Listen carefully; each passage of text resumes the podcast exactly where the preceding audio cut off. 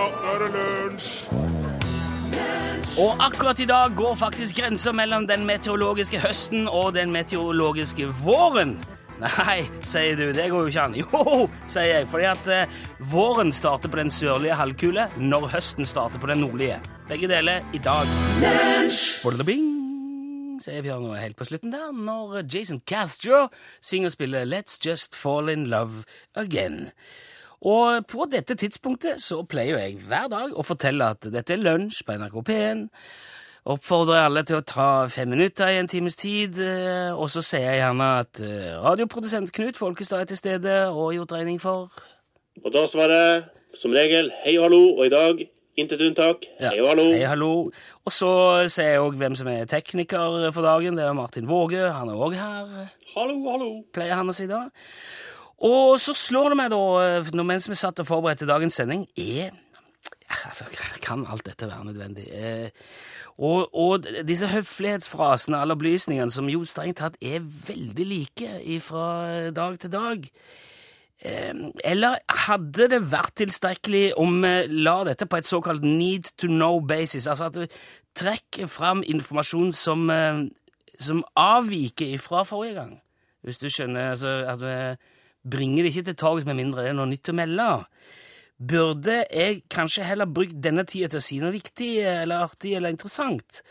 For jeg tenker, det kan jo sikkert være ja, tidvis både plagsomt og irriterende å høre altså, de samme opplysningene bli gjentatt dag til dag på samme tidspunkt. Mange av oss har jo rutiner på dagene, og det er jo rimelig å anta at, eh, at vi er i stor grad den samme gjengen nå, som møtes her på P1 klokka 11 hver dag. Blir litt som om man skulle presentert seg med fullt navn for familien sin hver gang man kom hjem. Altså, komme inn døra fra jobb og stille seg opp i stua og si eh, riktig god ettermiddag, jeg heter Rune Nilsson, jeg er 39 år gammel og jeg jobber i NRK P1. I dag har jeg kjørt Masta til jobben og spist knekkebrød til lunsj. Det jo eh, blir mye Nå er det jo riktignok en mulighet for at det kommer nye lyttere til innimellom. Eh, og da kan det være greit eh, å fortelle hva som foregår. Jo, det er veldig sjelden man kommer hjem, og så er det masse nye familiemedlemmer der. Så i, i den, det er kanskje ikke så relevant i det eh, bildet. Selv om vi, jo, vi er jo nesten litt som en stor familie her i lunsjen, alle vi som tilbringer denne timen sammen hver dag. Men på bakgrunn av dette og så skal jeg vurdere å gå kanskje litt mer rett på sak framover. Ikke bruke fullt så mye tid på selvfølgeligheter, så vi kan se litt på det i morgen og se hvordan det går. Ok, litt Anne Grete Preus, da.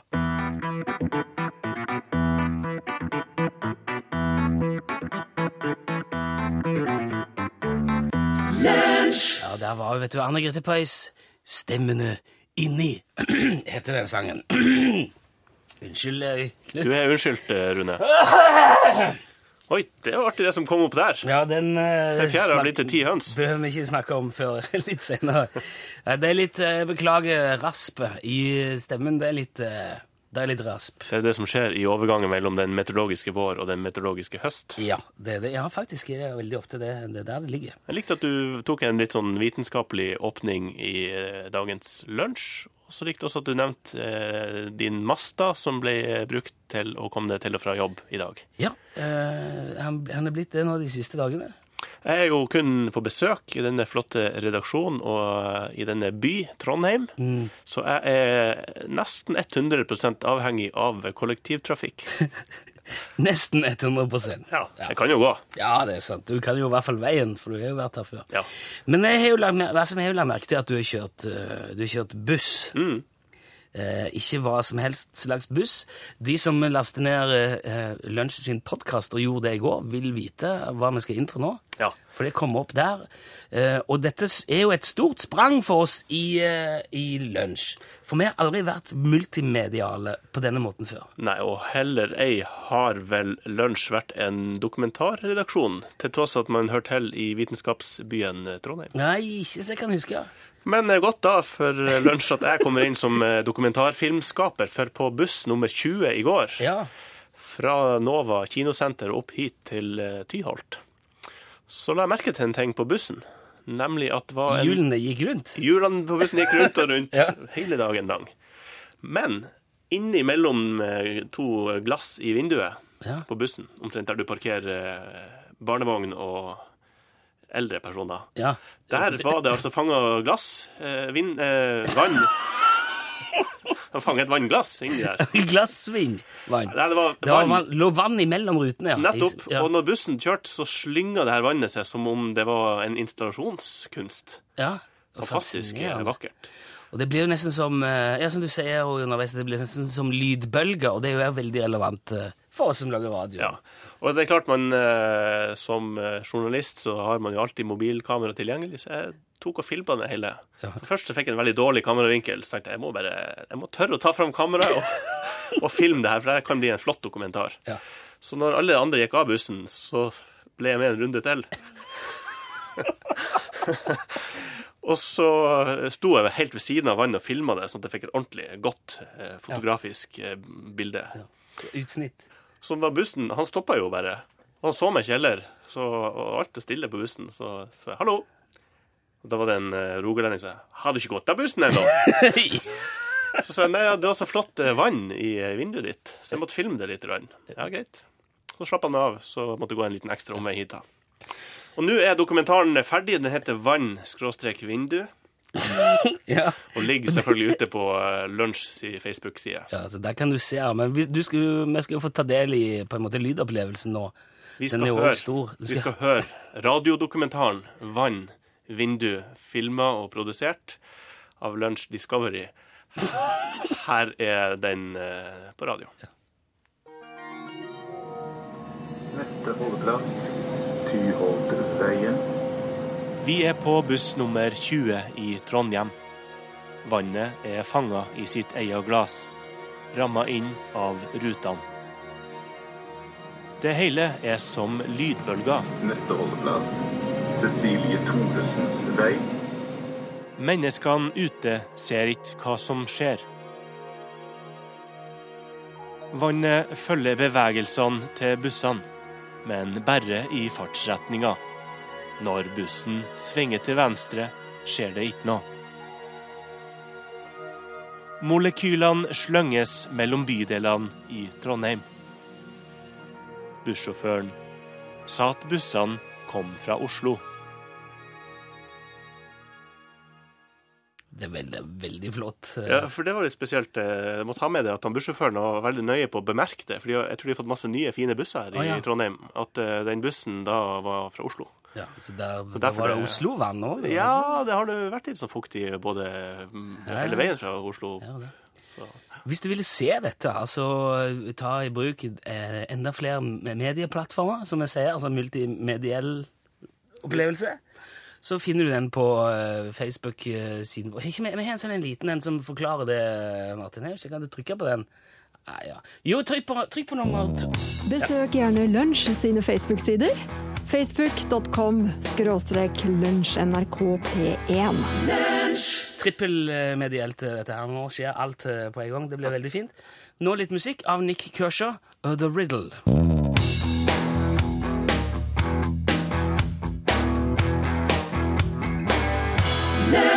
Det var altså Nick Kershaw og The Riddle. Hans eh, noe springende The, uh, Nick Kershaw har alltid veldig fengende refreng, og så er han veldig rare, litt kryptiske vers. Ja, det hoppa hit og dit. Ja. eh. Så, You get you ready Så går det over i et fengende refreng. I går forklarte jo Knut eh, til både meg og alle dere hvordan man lager ko eh, koks, eller loke. Ja. En eh, tradisjonsrett fra Hamarøy. Mm, bare for å gjenta det viktigste, at du tar og huler ut en skank, eller en knoke, Ja. og så skal du koke selve holdet. Ja. For det setter så sterk smak at det, bare, det skal bare litt grann luft til, så er det ferdig kokt. Ja. Eh, jeg tenkte til gjengjeld at jeg skulle by på en eh, tradisjonell delikatesse fra Egersund. Ja, så flott. For jeg kommer jo ifra ja, jeg er jo en av Norges største fiskerihavner. Silde har jo alltid eh, stått i skarp eh, kontrastfokus i Egersund, i Åkerby. by. og det meste handler jo om, eh, om sild og steintøy når jeg vokste opp. Ikke sant? For det, det blir jo en, en, veldig, en stor del av eh, kultur, bykulturen. Og vi sparka på stampen og lekte sildør og hoppa i slo og sånn når vi var små. da. Så det, jo, det, er jo, eh, det er jo en veldig stor del av, av hverdagen. Og det beste vi visste, var jo eh, sildeball med kokte olkeføtter og saltsprengt kjellerdør. Ja. Det var, da var det fest. Saltsprengt. Kjellerdør. Kjellerdør. Ja, det er ikke så rart som det kanskje høres ut. Nei. Eh, Det er jo eh, Altså, det, det er jo et veldig ha- hardt eh, Altså værutsatt område. Mm. Ting eh, modnes fort og mørnes. Maten står ute. Ja, altså, kjellerdøra står jo ute. Det er jo, altså, Du spiser den ikke rå. Nei. Nei, men, men eh, for å lage Jeg skal bare fortelle, jeg skal fortelle deg hvordan, hvordan du lager det. For det skal du gjerne gjøre, i hvert fall hvis du har tilgang på dagfersk eh, vårgytende.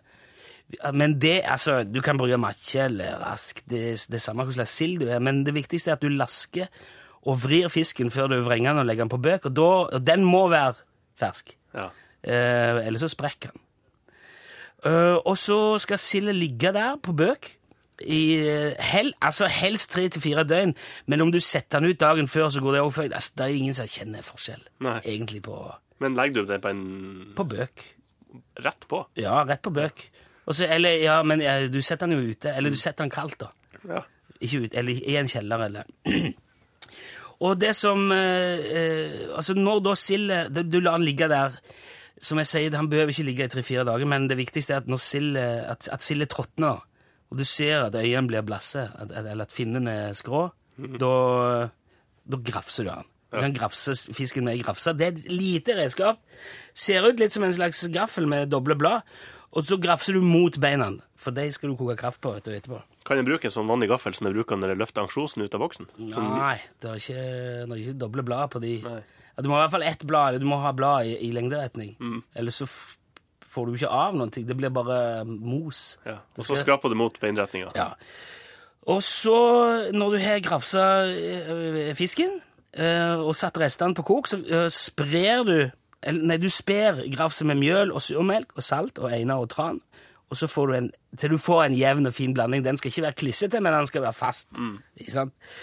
Og så former du den til passe store baller og setter på frukt.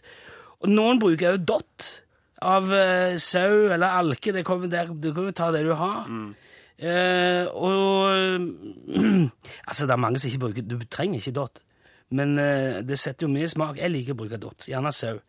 Og mens ballene da står på fukt, så koker du alkefettene på 360 grader. Og da tar du litt tid før de kommer helt rundt. Uh, og den tida der bruker du på å skrape kjellerdører. For uh, den skal være helt fri for både maling og kjemikalier, og glass og metall må ut. For det, du, det får du ikke mørt, altså uansett hvor mye salt du bruker. det...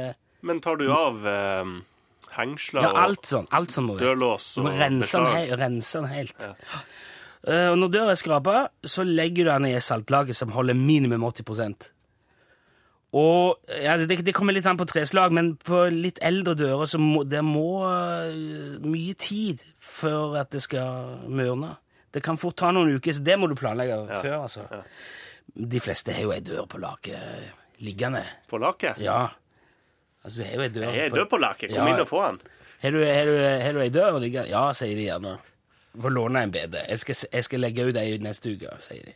Ja. flott. Ta, bare ta her. Bruke det du har. Og så er det jo Ja, da gjenstår det bare å brenne sildeballene, og det gjør du på åpen flamme med minst mulig bruk av kjemisk antenning. Ikke, ikke tennvæske, ikke bensin og sånn, for det setter mye smak. Noen liker den smaken, men det, er- det er mye sånn allergifremkallende og Så det er jo blitt mye mindre vanlig nå. I hvert fall litt, når man har lært hva det, hva det handler om. Og når ballene er svarte og harde, så serverer du dem med alkefotsaus. Som du, den reduserer du fra kraftet. og Blander med, med fiskekraftet, og jevne og brune og sper og tapper av. Og så rasper fra saltsprengt kjellerdør. Det er sikringskost. Jeg skulle si generasjonskost. Eh, hvis jeg ikke ønsker å lage det sjøl, får vi kjøpt det her ute på, på gata i små boder i Egersund. Nei.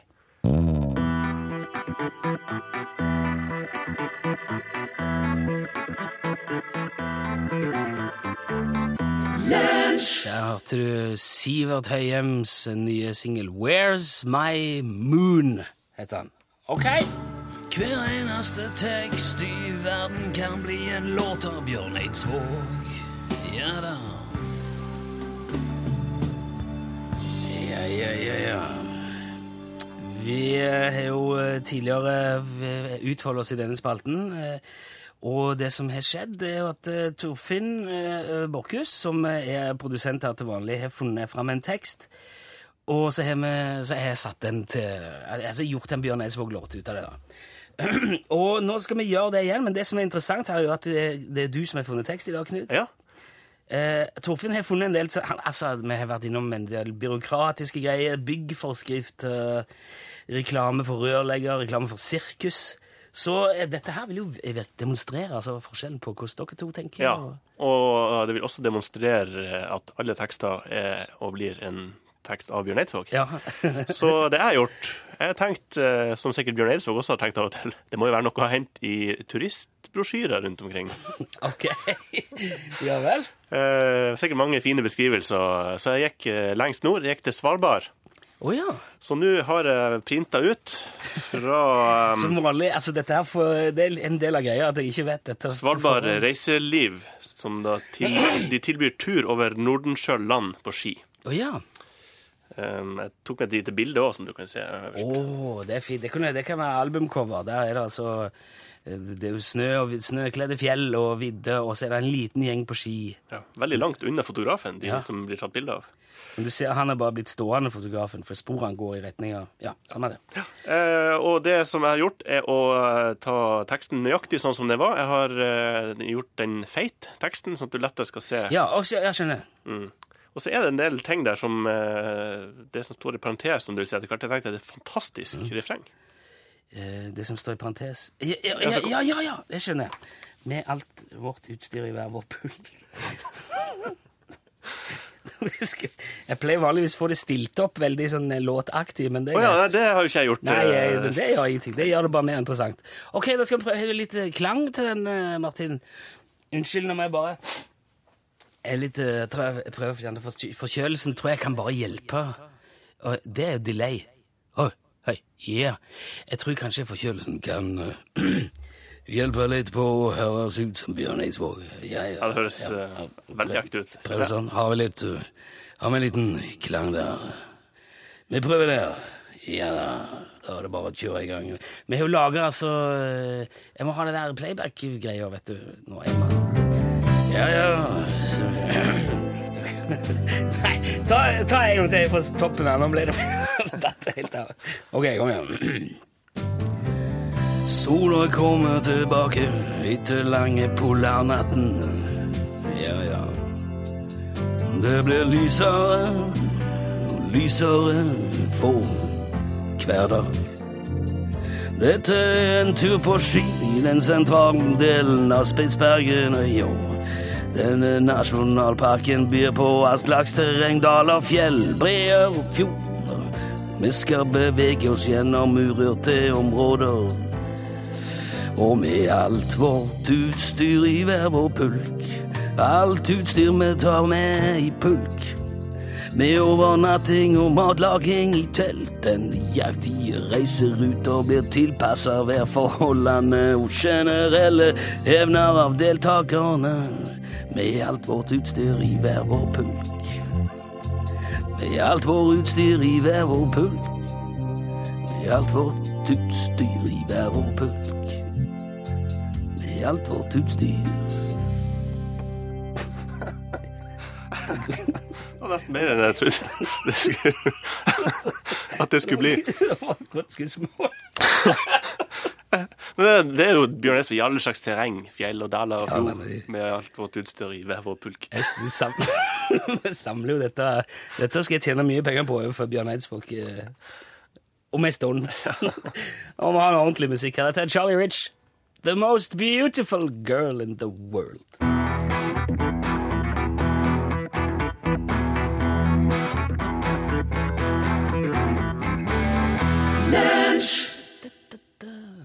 Hvorfor feida han den sangen istedenfor å bare lage en fiks ferdig slutt, som Bjørn Eidsvåg ville gjort?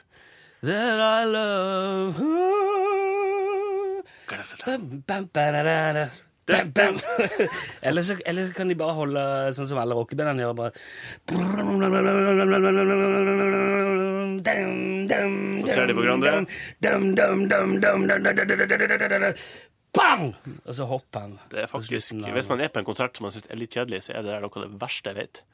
ja, det... At du har egentlig lyst til å komme til neste sang, og så skal rockebandet som du eh, forteller deg, bli mer og mer breibeint. Og så skal liksom, gitarene løftes over hodet, og så skal det dunkes og ropes og skrikes.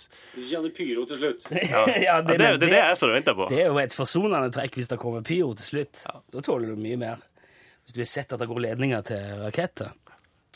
Du, eh, For lyttere som kanskje har drevet med andre ting denne uka, Knut Folkestad er jo vikar her fordi Torfinn er et eller annet sted. Verdensrommet eller noe. Og eh, på mandag så fortalte jeg litt om hva du har drevet med før. Eh, presenterte det litt for lunsjgjengen her. Uh, og da nevnte jeg jo, altså, i tillegg til alle radio- og sånne TV-prosjekter sånn, som, som folk kanskje kjenner deg for, så nevnte jeg òg at du var uh, ballongkusk for Røde Kors uh, allerede på 80-tallet. Det er det jo kanskje ikke så mange som vet, og jeg forstår at du ikke har sagt det til nærmeste familie heller. Nei, det er noe som jeg har vært nødt til å holde hemmelig. Du Åh. finner ikke den informasjonen på Wikipedia. Det vil ikke være å finne i fotoalbum hjemme, dagbøker, ingenting. Alle spor etter ballongkusk-episoden, for det var én episode nemlig, oh, ja, bare- ok. i Røde Kors, er sletta. Ja, for jeg husker jo at du nevnte det en gang du var, hadde, altså det var på byen, og det var ganske seint. Og så tenkte jeg at du kunne ta det med. Men eh, det, kan du fortelle om det nå? Altså, hvis man uh, av en eller annen grunn skulle liksom tenke 1988 Ja. uh, Var det ikke et eller annet i avisen da? Det var jo før eh, internett og alt var på papir. ja. Uh, Så jeg vet folk har klept ut, og det henger på enkelte Kjøleskap. kjøleskapsdører. og sånn. Selvfølgelig, Det gjelder jo mest den familien som var ramma av, eh, av den episoden. Kan du si det nå? Kan du fortelle hva det var som skjedde? Ja. Eh, på Sårfjellet så eh, var det ei klatregruppe fra Sveits som eh, Det her ligger i Hordaland. Ja. Som eh, var på en eh, Det skulle egentlig vært en helt enkel, eh, flott turopplevelse for de. Man skulle tro at sveitsiske fjellklatrere var vant til både den ene og den andre alpevegg. Ja, ja. Men det som er med Sårfjellet, er at den har et sånt avsprang ja. som gjør at hvis du ikke er, har med deg de rette boltene, så henger du deg sjøl faktisk, bare rett og slett i løse lufta. OK. Og der ble de da hengende. På, ja, I dette avspranget. Ja. Og eh, Røde Kors i, i Fosnavåg, Leirvågen og Håndalsvannet, alle ble innkalt. Ingen hadde anledning til å bli med. Så, eh, og man prøvde med Sea Kingen, man prøvde med luftoperativt forsvarsanlegg. Og det de gjør da, det er jo eh, å ringe til meg og faren min, som da drev en sånn ballong-sightseeing-firma som heter Luftig Artig. Luftig og artig heter det. Og der for jo vi med helt enkelt propanapparat. Eh, Fyre opp, opp under ballongen. Veldig tynn, flott eh, spinnakerduk som er henta fra et seilskap.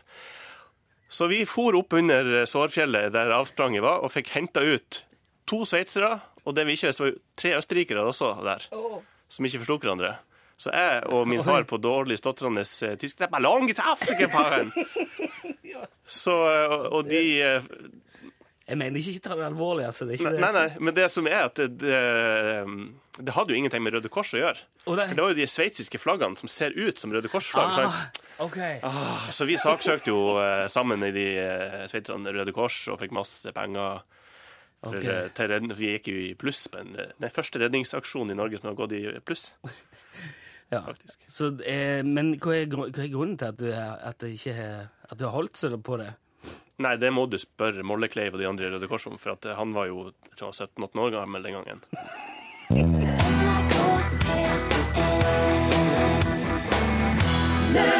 Der hørte du eh, populærmusikkorkesteret DDE, og melodien het Jeg var aldri der. Det er jo en slags norsk videreføring av It Wasn't Me. Eh, Den der uh, shaggy It wasn't me, wasn't me. Okay, Ja. Jeg var aldri der, synger Å ja, sånn. Altså, Ja. det, det, Wasn't me. Jeg hadde alibi. Det var ikke meg. Det var ikke meg, sier jeg vel. Nå hadde vi tenkt at det var på tide at uh, dere som hører på programmet, skulle få lov til å fortelle noen ting. Nummeret til Hallo Hallo er 815 21 031. Det er spalten hvor vi bare slipper på en telefon, og så må vedkommende som ringer, fortelle et eller annet som er bra. Artig, interessant, lærerikt, spennende, hva som helst. Men er det, er det underholdende, er det bra, og du får tommel opp fra flertallet i eh, studio, så vinner du en eksklusiv Utslagsnes Transport og Skarv skyggelue. Oi! Rei, rei, rei, rei. Hallo, hallo. Telefonen Det går veldig fort, så jeg merker at det skal ikke mye til. Kan jeg si hallo, hallo? Hallo, ja. Hallo, hvem snakker vi nå? Det er ei dame fra Statsøya. Ei dame fra Statsøya. Sandsøya. Sandsøya. Ja. Sandsøya. Hvor ligger Sandsøya? ja, det er på Sunnmøre. Ah, det hørtes veldig eh, vakkert ut. Sandsøya. Ja, det er vakkert også. Ja. Men eh, jeg beklager at det den uh, sendinga som de har for dere, den er litt tøysete. ja, den er veldig tøysete, men det er òg veldig mye av målet med den. Er det det? Ja, det er, det er faktisk planen. Er ikke det for voksne folk, da? Eh, men er, du klar over at du er på radio nå? Ja, jeg er nok det, du. Ja, ja, men det er bra. Ja. Ja, for da, det, da det, går det veldig fint å prate om det. Ja, men altså, det finnes jo veldig mange voksne folk som er glad i tull og tøys, og vi tror jo ikke at tull og tøys nødvendigvis er aldersbetinga. Nei, det er det nok ikke, men eh, det blir altfor mye av det. Har ikke det vært for den fine musikken som det sender innimellom, så har det vært helt grusomt. Sier du det, ja? Ja. Men hvorfor sitter du og hører på ting som du syns er helt grusomt?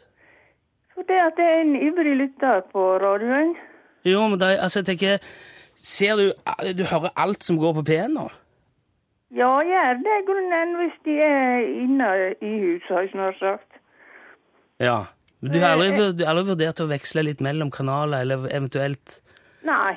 Gå en tur, eller gjøre noe akkurat i den timen? For det, vi opplever at det er veldig mange som setter pris på det programmet, og som liker tøyset, og så er det noen som ikke gjør det. Ja. Og da pleier jeg gjerne å oppfordre de som ikke gjør det, til å kanskje unne de andre den ene timen, og heller finne på noe annet i den perioden. Men er det unge folk som liker det, da? Ja, altså vi har lyttere helt ifra 30-årsalderen og opp til godt over 70 og 80. Ja, og jeg tror ikke Vi har mange som sender både meldinger og som tar kontakt med oss som er, som er godt voksne, så jeg tror ikke du nødvendigvis skal anta at fordi om man har kommet litt opp i årene at man ikke liker noen ting som er tøys og tull.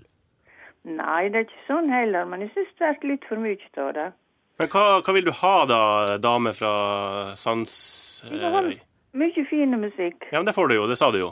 Ja da, det får jeg. Ja, Men hva er det da du vil ha innimellom den fine musikken? Og så kan jeg si det at den samen som du snakker med, han er i grunnen den beste til alt. Ja, så du liker litt allikevel? Sånn er det som regel Ja. når man får eh, vedkommende i tale. Det er jo du. Det er jo hyggelig at du, at du, at du tør å være kritisk også. eh, Så han liker du, Ja, ja. Jan Olsen. Ja, den liker jeg. Ja, Men ok. Altså, det, det, det, det, det er litt som går går innimellom, da. Du, Syns du han Torfinn her er han artigere enn meg? nei. Han puste Knut eh, letta ut. Jo, men dette her var en, dette her var en eh, ny og veldig fin vri eh, kvinne fra Sandsøya. Ja, får, hå- får jeg at dere blir ikke fornærma på meg nå, da. Nei, nei, nei. Men jeg, jeg tror jeg, jeg kan ikke love at vi slutter å tulle og tøyse, altså, fordi om du, fordi om du sier det. For at både lyttertall og det, det med e-post og telefoner som vi får, viser at det er veldig mange som setter pris på det.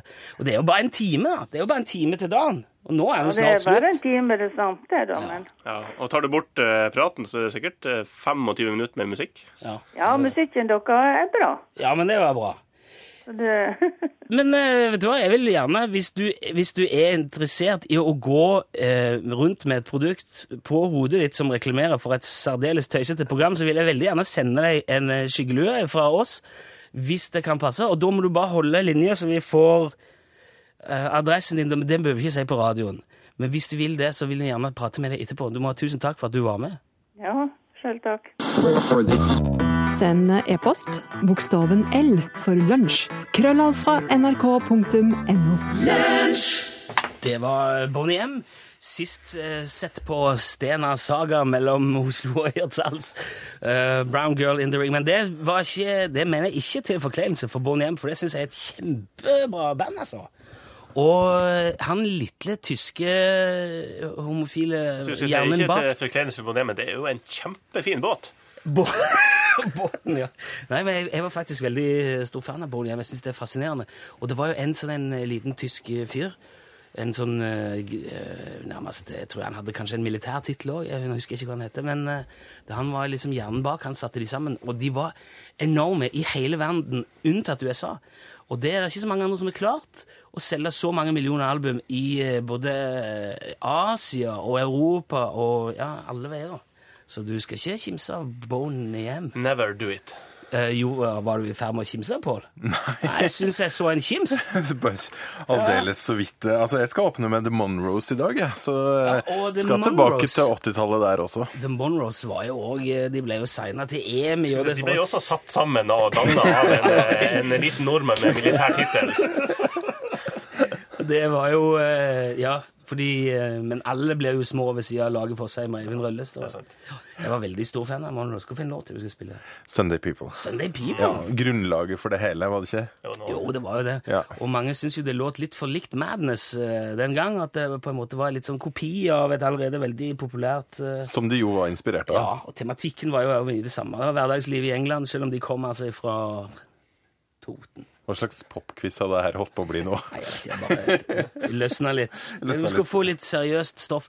Nei, men nå er det jo slutt på tøyset, Pål. Du skal ta over og, og lede folk gjennom eh, magasinprogrammet Norgesklasse, som inneholder stoff fra nær og fjern. Ja, stoff som du er veldig bekjent med. Du skjønner, Jeg har gått på en smell og så sett eh, Rune på en kulinarisk eh, quiz-test. eh, Det var vel i vår eller noe sånt. Det viste at Rune er utdanna kokk, så det var ikke noe Jeg, pro... jeg, jeg, jeg, jeg slentrer gjennom kokkelinja. Jeg er ikke, jeg er ikke utdanna kokk, men um, og ser på kokebøkenes historie i Norgesklasse om dagen. Og jeg vet ikke om dere to også er sånn at dere har veldig mange fine kokebøker. Aldri brukt det til noe. Nei, men de står der. ja, og det er veldig fin gave osv. Det jeg skal få høre om i dag, er at eh, kokebokhistorie er full av eksempler på at eh, forfatterne stjeler oppskrifter fra hverandre. Og, og det er jo litt vanskelig å ettergå, skal vi høre mer om.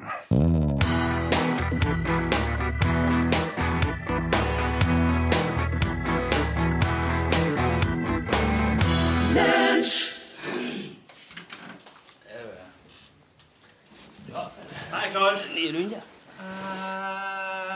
Jeg er klar. Han er perfekt. For å gi følelsen av at eh, det er dybde Rom. Og rom. Rom og tid og rom. Det er ikke ofte man får podkast i 3D. Det, det, det, det. Det er, så mono, dette her. Det er Er nesten mono? litt leit. For å ikke ta opp all eh, kapasiteten i Nei, nei, ikke, nei, sendingen er mono, men dette er Nei, sendingen er stereo, men dette er mono. Det er bare én mikk.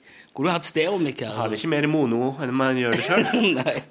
Så eh, bare for å unnvide seg, dette er podkastbonusen. Dette er ikke Dette er aldri på radio.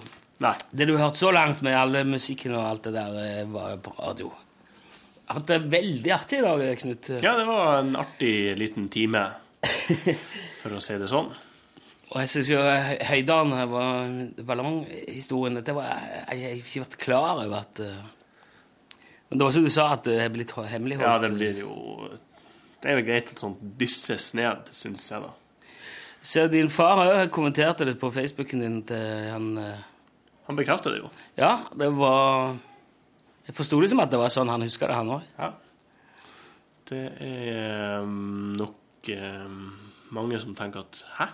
Var han med på det? Og så får de ikke til å stemme for han eh, Mollekleiv, han eh, Røde Kors-generalen. Han var bare 14 år. Ja. Ja. Så Mollekleiv. Ja. Ja, det er ikke det han heter. Jeg han ikke. heter det den gangen. Ja.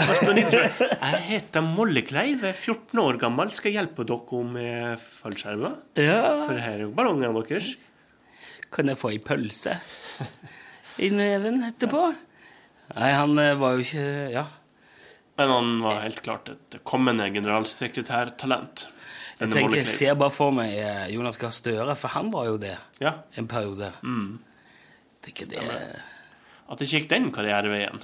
Ja, det er rart. Fra pølsekoker i Røde Kors til generalsekretær i eh, internasjonale råd. Jeg har, jeg har vært med i Røde Kors jeg, på sånn hjelpekorps. eh. Ja. Mm. Stått vakt på utedans og bi, bi, bilcrossløp og sånn. Mm. Er det betalt? Nei. Men de som er på fotballarena, for Ja. De er frivillige. Er de frivillige? Er Imponerende. Hatten av. Men, eh, men altså, Røde Kors får jo betalt. Røde ja. Kors tar seg gjerne litt betalt for det. Men Men man får jo ikke penger av de som er med, og det er jo frivillige. Det var i hvert fall det i min tid. Men hvis du jobber, altså festivaler og sånn har jo ofte Røde Ja, ja. Kors, så betaler de da til Røde Kors, og så Ja. er de som jobber der, er frivillige. Så at Røde Kors Ja. Tjener seg styrtrik da på fordi Nei, men de skal jo ha Altså, vi hadde jo Jeg husker vi kjøpte ambulanse da jeg var i Røde Kors. Det er jo et løft. Og så skal jo den driftes, og så er det båt og så, så man, Det er jo en eh, ideell organisasjon, er det ikke det det heter? Sånn de samler inn penger. Vi var jo vondt å samle flasker. Altså, pant, sam, panteaksjoner. Altså. Pengene går på en måte til riktigere ting enn de som jobber Ikke sant? Du, eh, altså, du innser at, du er at verden er, er en plass som du kan kan være i hvis du Og, og, og kjenne din styrke i forhold til. Ja, ja. Eller begrensning av. Så det er jo en, eh, en fin ting. Men du lærer jo mye, det er veldig interessant. Du lærer mye om, å, om førstehjelp og få være med på eh, både spennende og mindre interessante, artige ting. De gjør iallfall en viktig jobb. Ja, veldig. Jeg har vært med rundt og lett etter folk som er stukket av med haglgevær. Og, Oi.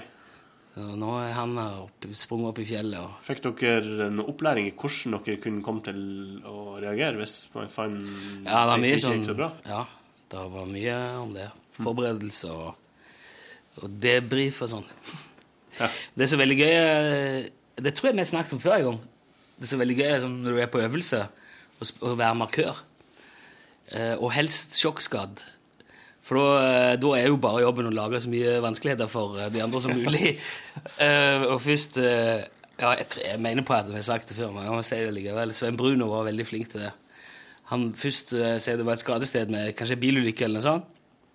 Så sprang han fort rundt Først, først da sprang han rundt og maste og maste. og maste. 'Dere må hjelpe han! Dere må hjelpe han! dere må hjelpe han!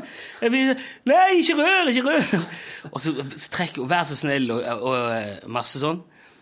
Og så når folk var liksom på nippet til å eksplodere, da stakk han av. Ja. Og da, for da ble folk så glad for at de endelig fikk litt ro. At det gikk lang tid før de merka den. Og du skal jo ha kontroll på de som er sjokkskada. Du kan jo ikke Nei, hvor ble det av han nå? så må alle ut og lete etter. Jeg syns han var veldig artig. Men er Røde Kors-symbolet så sterkt at du kan dra til en hvilken som helst internasjonal konflikt kledd ut, eller bruke da et Røde Kors-flagg eh, og være trygg? Ja, Jeg vet ikke. Jeg tror det skal være ganske respektert eh, rundt Ja, omkring. men det er jo Ja, jeg vet ikke. Jeg tror ikke du skyter på deg med en gang. Nei. Nei. Det er Men om det er noen som misbruker det og drar på ekstremferie i Sudan eh, under dekning av å være Røde Kors-ansatt Ekstremferie er så, det er så drøyt ord. Det er så drøyt ord. Det er, det er, ikke bare, det er ikke bare soling og bading. Det er så ekstremt Det er så jævlig med solo! Det er skadelig på Ja. alle nivå. Fra det du drikker, til du- den sola du rar, rar, det, lar som- komme på kroppen din. Ja, det jeg ser for meg. Jeg ser for meg sånn som sitter og spiser pasta i Italia. Det bare spruter rundt dem. Og så springer de rundt Colosseum og Opp på trappen i, Ja, altså i Venezia. Ah, kanal, kanal, kanal! Og så holder de ikke å kaste en liten mynt oppi denne Nei, du skal se mange millioner. oppi. Ja. St- Store seddelpresset som man burde dytte over fontenekanten. Skriver sjekker på hundretusenvis av kroner. Palmer rundt seg. Det, det, det er jo det som er ekstremferie. Det er det som er ekstremferie. Ja, men Nå har vi begynt med det. Starta et ekstremferie ekstremferiereiseselskap. Kommer jo folk og tror at de skal få hoppe i strikk og sånn, men det er jo ikke Det er ikke det. Jeg har hørt at mange av de som driver på med såkalte ekstremsporter, eller de som drar på ekstremferie, de liker ikke at det blir kalt det. Det er vi andre normale mennesker som setter ordet ekstrem framfor det. Ja. Når det Dag, bare- Dagens Næringsliv har et bilde av en som sykler eh, to meter over bakken opp ned i en grusskråning i Lillehammer. Så står det 'ekstremsykling' i de gamle OL-løypene. ja. Da liker ikke han det. Nei, da syns han det, det er ekstremsykling. Det ja, Det er bare sykling for han. Opp ned, bare. Opp ned, bare. Har du gjort noe sånn ekstrem Eller det som Dagens Næringsliv i en eh, sånn reportasje ville kalt ekstremt sjøl? Eh, ja, det var, det, var et ekte eksempel jeg tok nå. Fra ned, to uker siden. Der det var noen som skrev Nå er det igjen fokus på Men du ekstremsykling. er jo, du er jo hengt i sånne kroker, du. Ja, Det er det. Sånn i huden? Heist opp etter tolv kjøttkroker i kroppen. I min nakne hud. Ja. I en reportasjesammenheng, selvfølgelig. Hva var det for et, Det var for et blad som Det var for, Eh, mann. det var for mann, ja. Serien Manndomsprøven. Eh, Det begynte så tilforlatelig med at jeg skulle lære meg å blåse flammer. Og så skulle jeg gjerne stå du vet når du står i bar overkropp framfor en som driver og står med sånn vinkelsliper. ja, ja. For denne gnistrene som kommer på kroppen, det gjør ikke vondt i det hele tatt. Det er som å holde handa inntil et stjerneskudd Ja, OK. på nyttårsaften. Men det ser jo veldig kult ut. da. Ja, ja, ja. Og så møtte jeg han eh, fyren der som var, eller er, leder i Pain Solution. Ja, Jesus. heter han. Eh, gjennomtatovert, litt skummel fyr, men verdens triveligste mann. Ja. Vi spiste kyllingsalat og diskuterte gå gjennom, og på tampen av måltidet så sier han Jeg tenkte du skulle få fly. Så ja vel. Og så er det står 'pain' tatovert inn på knoklene hans. På, På knoklene, ja. på hånda. han som spiste kyllingsalat, så det bare 'pain', 'pain', 'pain'. Det vrir seg Tenk, over du skulle få fly. Ja vel. Ja, da skulle jeg heises opp i de krokene der, og så folk fikk forskjellige opplevelser. Noen kom nærmere deg, min gud, mens andre bare sveva inn i seg sjøl. Så jeg tenkte ok, vi skal lage den drøyeste reportasjen i norsk mediehistorie. Og der lå jeg og ble perforert av de kjøttkrokene og hengt opp under taket. Det må være så jævlig vondt, da. Eh, jo, eh, den reportasjen er drøy. Og det er en som filma det også. Den har jeg ikke sett i ettertid, for jeg klarer ikke å se på det, for det er så sterkt. For en som lager en sånn dokumentar om han Hove, en som gikk på en sånn kunstskole eller noe. Ja, ja. Eh, der de pressa tre av tre kroker gjennom kroppen. Sånn én, to, tre, sånn mm. Men baki leggen min har vært mye plaga med sånn dårlig rygg. og sånn, så Hvis noe treffer en nerve, som du kan gjerne gjøre med ryggen, så du får sånn strålesmerte, så vet du det med en gang. Og Hvis du tar deg sjøl bak i leggen og kjenner hvor i all verden, hva slags hud er det man har her? Det er jo ikke noe overskudd bak. Det er jo bare muskel. Nettopp. Ja. Så hva gjør dere hvis dere treffer noe feil her? Nei, det blir ikke å skje. Så traff de noe inni Å Og det var så Det var vondt. Så på, når jeg heist opp, så har jeg akkurat på den ene foten så har jeg sånn fatle som oh, ja. Det henger ikke i kroken på den leggen.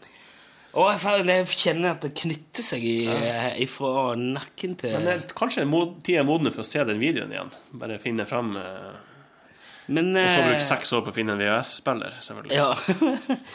jeg vet om at det står en der på Jonsrommet i kjelleren her. Ja. Eh, men eh, det kan jo umulig være har vært nødvendig. er det, det må jo bare være jævlig vondt. Ja, jeg syns det ikke var det i det hele tatt. Og det, jeg gjorde mange sånne i den serien. Og alle sa du kommer til å elske det. Og når du først har prøvd eh, ekstremkajakkpadling, så kommer du aldri til å prøve noe alle, annet. alle, sier det. Altså, alle som er oppe i fallskjerm, sier at det er det beste du kan Ja, gjøre med klærne på. Jeg syns ikke det er artig i det hele tatt. Nei. Og det er mulig at man blir veldig analytisk og tenker ok, jeg er bare her for å beskrive det her, jeg skal skrive det ned. Og når fotografen har tatt bildene sine, så vær så snill, bare slipp meg ned igjen. Ja. Så jeg var eh, veldig sånn fokusert på at ok, nå er jeg ferdig. Har du tatt bildene? Ja, sa han. Få meg ned herifra. Nå er det over. Mens den andre fyren hang oppi stroppene og krokene der og kosa seg. Men, det, men ja, var det så vondt som du skulle tro, eller? Nei, det var det ikke. Det er bare så sykt å tenke på og se at huden bare At den ikke løsner fra kroppen. For det er Ja. det du tror, men det gjør den ikke. Det skjer oftere, eller det skjer ikke at huden løsner, men at krokene faktisk bøyer seg ut. Rett og Ja, slett. Bøklene er vekt av Ja.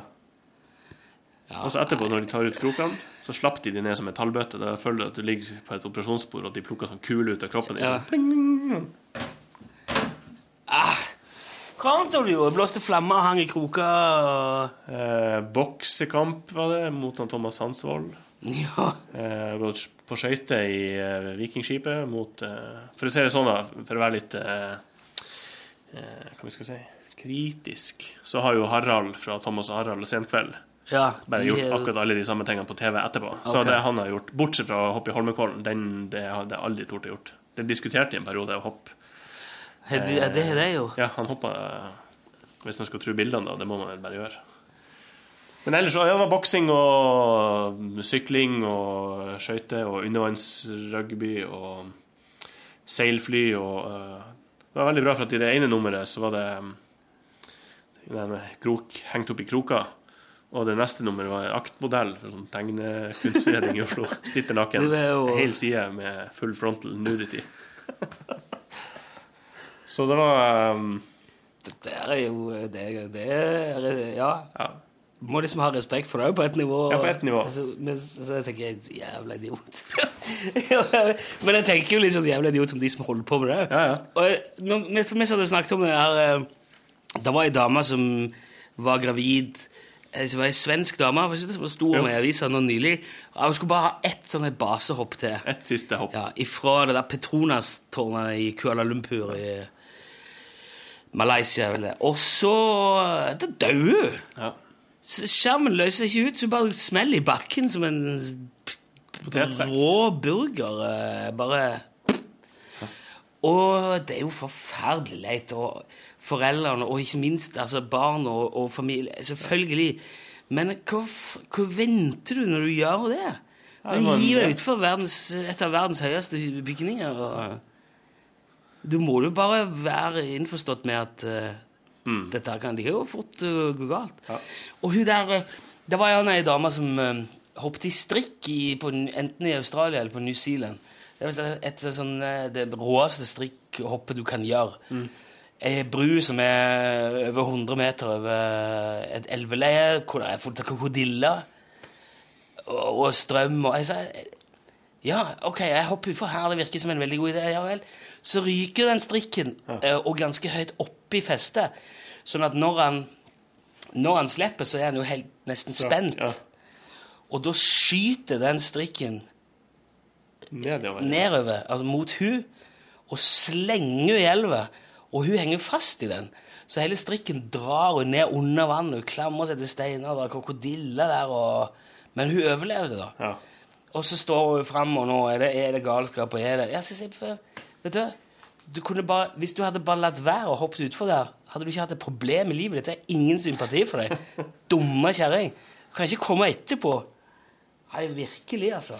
Har du, bruker du bilbelte når du kjører bil? Ja. Sykler du med hjelm? Nei, jeg gjør ikke det. Men jeg sykler veldig pent. Vi har hatt en lang, det er jo risiko i alt, men eh, vi har hatt en lang sykkelhjelmføljetong, og jeg har til og med fått, fått hjelm fra sykkelekspert Borten Karlsen med sånn trekk på, sånn at det skal se ut som en caps. Det gjør jo ikke det, det ser ut som en ridehjelm. Det er alt annet enn kult. det er vel verre, synes jeg. At det ser ikke så ille ut med hjelm, men eh, det som er innført for sånn veldig hjelmsveis og det er et styr. Så jeg sykla aldri, eh, men nå har jeg da levd i 40 år og sykla i 34 av dem. Ja, Og like det. det går bra. Det gjør jo det. Men det var jo ikke, det var jo ikke farlig når vi var små. Og da sykla jeg mye. Men nå, altså, jeg er jo ikke, jeg er heller ikke sånn eh, Jeg har elsykkelen min. Ja vel. Ja, jeg har sånn eh, med batteri. Kult. Ja, er helt supert, for det er jo bare bakker. For den kan du ikke velte på, sant? Nei, det, han holdes oppe av et sånt elektrisk kraftfelt. Så hver gang du prøver å Og han støter unna alt. Biler og sånn spesielt, for de er jo så magnetiske. Mm. Ser det eh, litt sånn Star Wars. Ja. Kommer en bil imot full fart Sier det, og så flytter han seg automatisk. Men jeg sykler Nei, det gjør ikke det. Det var tull, faktisk, akkurat det der med Men du har elsykkel? ja. Og så sykler jeg altså, til jobb og tilbake, så kanskje litt til byen. Men jeg, ikke, jeg brenner ikke av gårde i veien og ut midt i rundkjøringa. Sånn. Jeg følger heller langs sykkelstiene og kanskje leier over gangfelt og sånn. Jeg er veldig Jeg er en myk syklist, da. Veldig. Mm. Og, jeg, og jeg mener at man eh, Altså, hallo. Du kan i veldig stor grad styre det der. Selvfølgelig kan det komme en buss og smelle inn i bak deg uten at du aner at den er der, men Jeg kjøpte ei bok en gang som er så tjukk, og nå holder fingrene fem centimeter fra hverandre, Ja, det er ganske imponerende. som heter eh, Traffic. Why Humans Drive Like We Do. Som handler om hvordan vi oppfører oss i trafikken, for vi er jo mange idioter der ute. Og ikke bare derfor, hvor, hvor lenge vi leter etter parkeringsplass framfor et kjøpesenter. Så hvis du tar et bilde med eh, et fly over et kjøpesenter, Ja. så ser det ut som et sånn juletre. For at alle bilene står nærmest, Ja, ja, ja. fremst, videre lenger og lenger, lenger, lenger, lenger unna. Til slutt bare én bil på parkeringsplassen med 200. 200. Ja. Men der står det at hvis, eh, som syklist, nei, som bilist, så er du mer obs på de som eh, sykler uten hjelm og tydelig sykkelutstyr. For du tar det for gitt at de som kommer syklende i tettsittende gul trikot, de er proff og de er beskytta. Altså du bare De vet hvor de skal, Ja, liksom. Ja, så da følger du ikke med. Mens du ser noen som eh, er halvnaken og sjangler i veien, så kjør du forsiktig. Det der er jo noe å ta med seg. Ja. Det er sikkert kanskje derfor Torfinn er der. Han har visst en tendens til å sykle en del i fylla. Jeg har hørt hatt om før. Ja. Uh, og det er visst ikke fullt så ulovlig som mange vil ha det til. Nei, det er kanskje ikke det. Jeg hadde en politimann med en gang som fortalte litt om det der. Ja. Det, men eh, det er mer sånn, det er mer sånn tilbakevirkende kraft, da. Hvis du Hvis du dreper noen på sykkel i fylla, Ja, sånn. da, er det, da er det farlig. ja, Da er det ikke lov. Men, så, men hvis det går greit, så går det greit. da går det greit. Du må ta hensyn til farge og føre. Farge og forhold. Sykle paint i ei rekke. Ei uke nå skal ha det sånn sykle til jobben-aksjon? Nei, det finnes jo fra før. Ja, ja, det er masse sykler til Det gjør de her. Ja, det gjør de i Bodø òg, der jeg jobber til vanlig. Og konkurranseinstinktet kommer jo fram, vet du. Hvis du Ja. får høre at du har sykla til jobb i dag, men kanskje ikke skrevet opp de tre kilometerne til jobb, så havner du i gapestokk rundt lunsjbordet. Du pisker og- Ja, ja. Ja, jeg, er sånn jeg, sykler, jeg sykler til jobben for å komme dit, ikke for å vinne en sykle til jobben-aksjon i eh, Men er det, er ikke- konkurrerer de mot lokalaviser sånn? Nei, det er vel mot andre kontor i NRK, tror jeg. Oh, ja. Folk, de ivrigste sykler lange omveier og flytter ut nesten et annet distriktskontor for å få lengst mulig avstand til jobben. Det er, ja, det er jo noen som gjør det her. Du kan vinne en sånn sykkelskjorte hvis du er flink nok. Men det de skriver på altså overskriftene 'Kom deg til jobb for egen maskin'. Og så jeg tenker Den maskinen som står i masteren min, det er jo min, den. Ja, Så ja det er det slagordet NRK5. Det er for egen maskin. Det er Ja. sånn FEM. Å ja, er det det? Ja. For egen maskin. Ja, det er i hvert fall Men den bilmaskinen er jo min. ja. Så, jeg Så du skriver, du skriver ja, mange skriver kilometer hver eneste dag? Ja, ja. Jeg ble, ja. Pleier som regel uh, sykle. Ja, så Men jeg elsykkel, så burde du ha elbil òg. Ja, men det er så liten rekkevidde på den. Nå har jeg elsykkel og trenger ikke elbil. Nei, det er ett poeng. Ja, men uh, jeg kan jo ikke kjøre Hvis jeg skal kjøre og besøke svigerforeldrene, det det, det er en tur på nesten tre timer. Da, ja, det er jo bare så vidt det går det med en vanlig elbil. Da skal den være fullada og skikkelig sprek, og du må jo kjøre fint og sånn. Ja. Og ha nesten ingen mennesker om bord. Ja. Og medvind og Og så hvis du må fylle underveis, da. Det tar jo. Ja. Jeg må stå her nå i åtte timer. Ta åtte timers pause nå.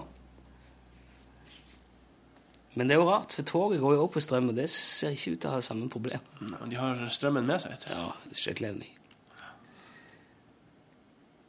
Så det kommer nok en dag at man får strøm til bilen fra gata.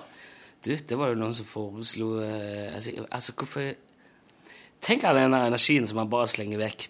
Ikke bare på eh, Altså, det, det beste eksempelet er jo helsestudio.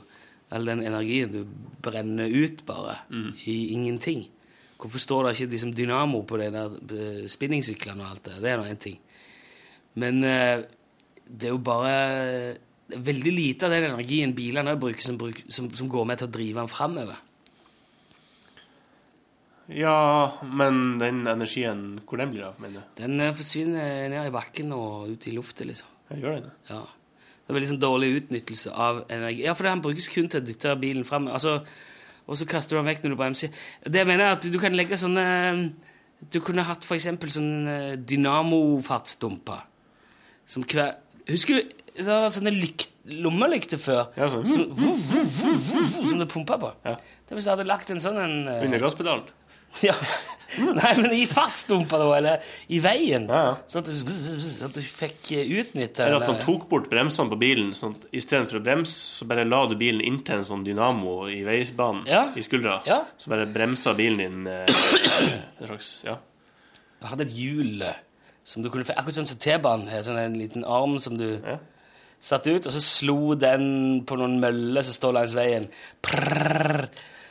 Ja, Det er jo fantastisk ja, eh, bra idé. kan du ikke bare Og så kan det i hvert fall Det kan i hvert fall drive gatelysene. Det er jo nulla ut det. Nei, Folk må tenke litt rundt seg. Tenk alternativ. Tenk outside the bond. Det var en fyr som sa det på en fyr som sa det på TV i går, og jeg slo på helt tilfeldig. Så ja, det snakker altså om at folk tenker inn i boksen, men han tenkte utenfor boksen. altså. Det der hørte jeg også. For det. Jeg, jeg, jeg så kanskje på TV i to minutter i går, og Ja, jeg- det eneste jeg hørte, det var det der. Jeg vet ikke, De snakket om en som sikkert var død, eller noe, men jeg vet, jeg fikk ikke med meg hvem det var. Ja, nå husker jeg det. Det var på ettermiddagen på TV 2. Det var han eh, Nå kommer alt tilbake. Han nei, Nei, dette her var på NRK. Det var, Det ja, var i eh, eh, Dagsrevyen, Ja. når hun satt rundt bordet med de to Nina brødre, Oving og- Nina Oving og brødrene Bolle. Brødrene Bolle? For han Trond Bolle han eh, ble vel skutt i Afghanistan. eh, Å ja. Og så sa eller, Jo, så var det et eller annet med å snakke og tenke utenfor boksen. ja. Men det var så artig da, som du sier, at det ble spesifisert først at de fleste tenker innenfor boksen. ja. De snakker om folk som tenker innenfor boksen, men han tenkte faktisk utfor, altså. Det jo, men det er jo det folk snakker Men det er jo et eget det er jo reklameslagord. 'Think outside of the box'. Ja. Det er Men jo, eh, ja, jeg, tok jo, jeg tar jo buss her i, eh, i Trondheim siden den uh, elbil, dynamo, bremse, vindmøllebilen ikke kommet ennå. Nei. Og da satt det to jenter på bussen i går som kanskje nettopp har begynt å studere i dag, eller de, de kjente ikke hverandre så veldig godt. Så og en skulle liksom kommentere noe den andre har sagt, så bare Yes, bring it in. Og så var det er litt sånn pinlig at hun andre da burde vel bare sagt at det bring it on, men jeg kjenner ikke hun så godt, så jeg lar det bare passere. Ja, bring it in. Så hallo, det banker på døra. Ja, bring it in. Og her har du eh, boks. Yeah, think outside it. Bring it on. Okay, your contestants are here. Yeah, bring it in. Bring them in. Bring it on. here. Bring. Take it and go. Here. Så sånn sitter man jo og lytter til på bussene. Det er veldig gøy når man liksom klare å knekke, knekke sånne ko... Eller se hvor Det er så mange sånne vanskelige koder. Sånn eh, ja, Når du eh, treffer noen som du vet Deg kjenner jeg, deg, eh, Hva er det her jeg er ifra? Hva er det du heter, og hvor jobber du med, og hvor kommer du ifra? Og dette og du kan se på vedkommende at dette burde jeg visst, men det er det ikke. Det er det bare ikke. Hva gjør du da? Jeg er, sånn, synes- er det så ondt å se og oppleve sånne her ting. Det, det ser jeg, jeg ser det så ofte. Og nå spiser jeg også på hotell frokost. Og s- du- det er folk som kanskje er på seminar, eller de skal til Trondheim da, for, eksempel, for å gjøre en jobb. Fem stykker fra et eller annet firma som skal gjøre noe på jernbanelinja her. Ja. Og så har du en som er liksom en snakkesal, litt sånn Jaså, eter du brødskiver med sånn? Og, og så er det andre som er helt stille, og så blir det sånn en som går litt før de andre, og så Hvorfor går du nå? Og så skal han kanskje meg på dass eller noe, og så blir det sånn Nei, jeg, jeg går nå og gjør meg klar her, liksom. Og alle det spillet der mellom Ja. ulike personer i settinger der ingen av de egentlig hører hjemme til vanlig, er, det er sårt. Det så herlig det er hvis du klarer å bare drite i det. Altså I den grad du klarer Det er veldig godt å bare kunne si ting akkurat som det er. Ja, det er jo det man må gjøre. Det er jo veldig befriende å si. Vet du Det kjenner jeg jo ifra et eller annet, men jeg klarer ikke for livet av meg å huske hva det var, eller hva du het, eller hva det vi treffes før. Kan ikke du bare dra gjennom det for meg? Det, ja, det er jo gått helt fint. Det går helt fint. Og hvis, hvis vedkommende da er sånn Husker du ikke meg? Fy faen i helvete. Ja, så det, da er det, er sikkert det er grunnen til at du ikke husker det. For at det var en kødd. Ja. Så Nei, vær, eh, vær eh, trygg på at det går bra. Det vil jo stort sett gå bra. Altså, Thomas Seltzer sier det vil jo stort sett gå galt. Det er sant. Er På Trygde... Trygdebeist-kontoret. Trygdebeist-kontoret. Det heter jo ikke det lenger. Det heter jo Nav nå.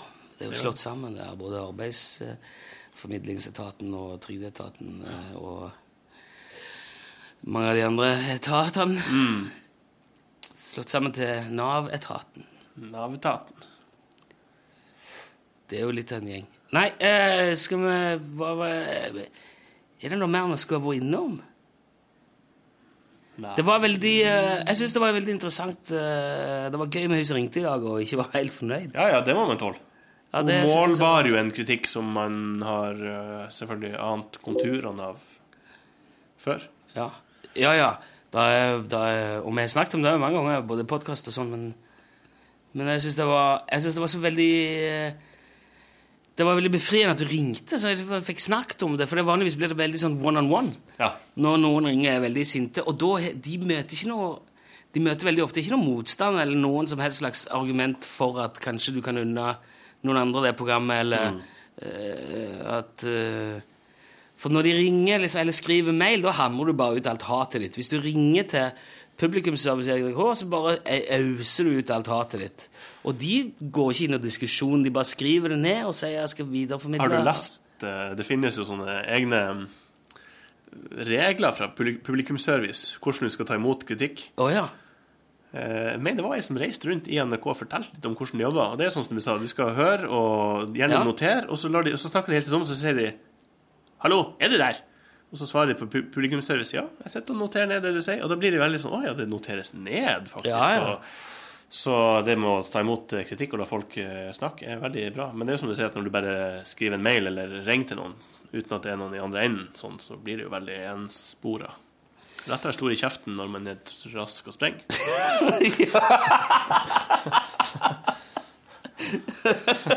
det, der må, det der må jo Hvis ikke det står i sitatkalenderen min til neste år, så blir jeg skuffa. Lett å være stor i kjeften når du er rask og springer. Han skal jeg huske. Det On that bombshell, som de ville sagt i Top Knut Folkestad. Så slår det av. Der. Slå av der, du.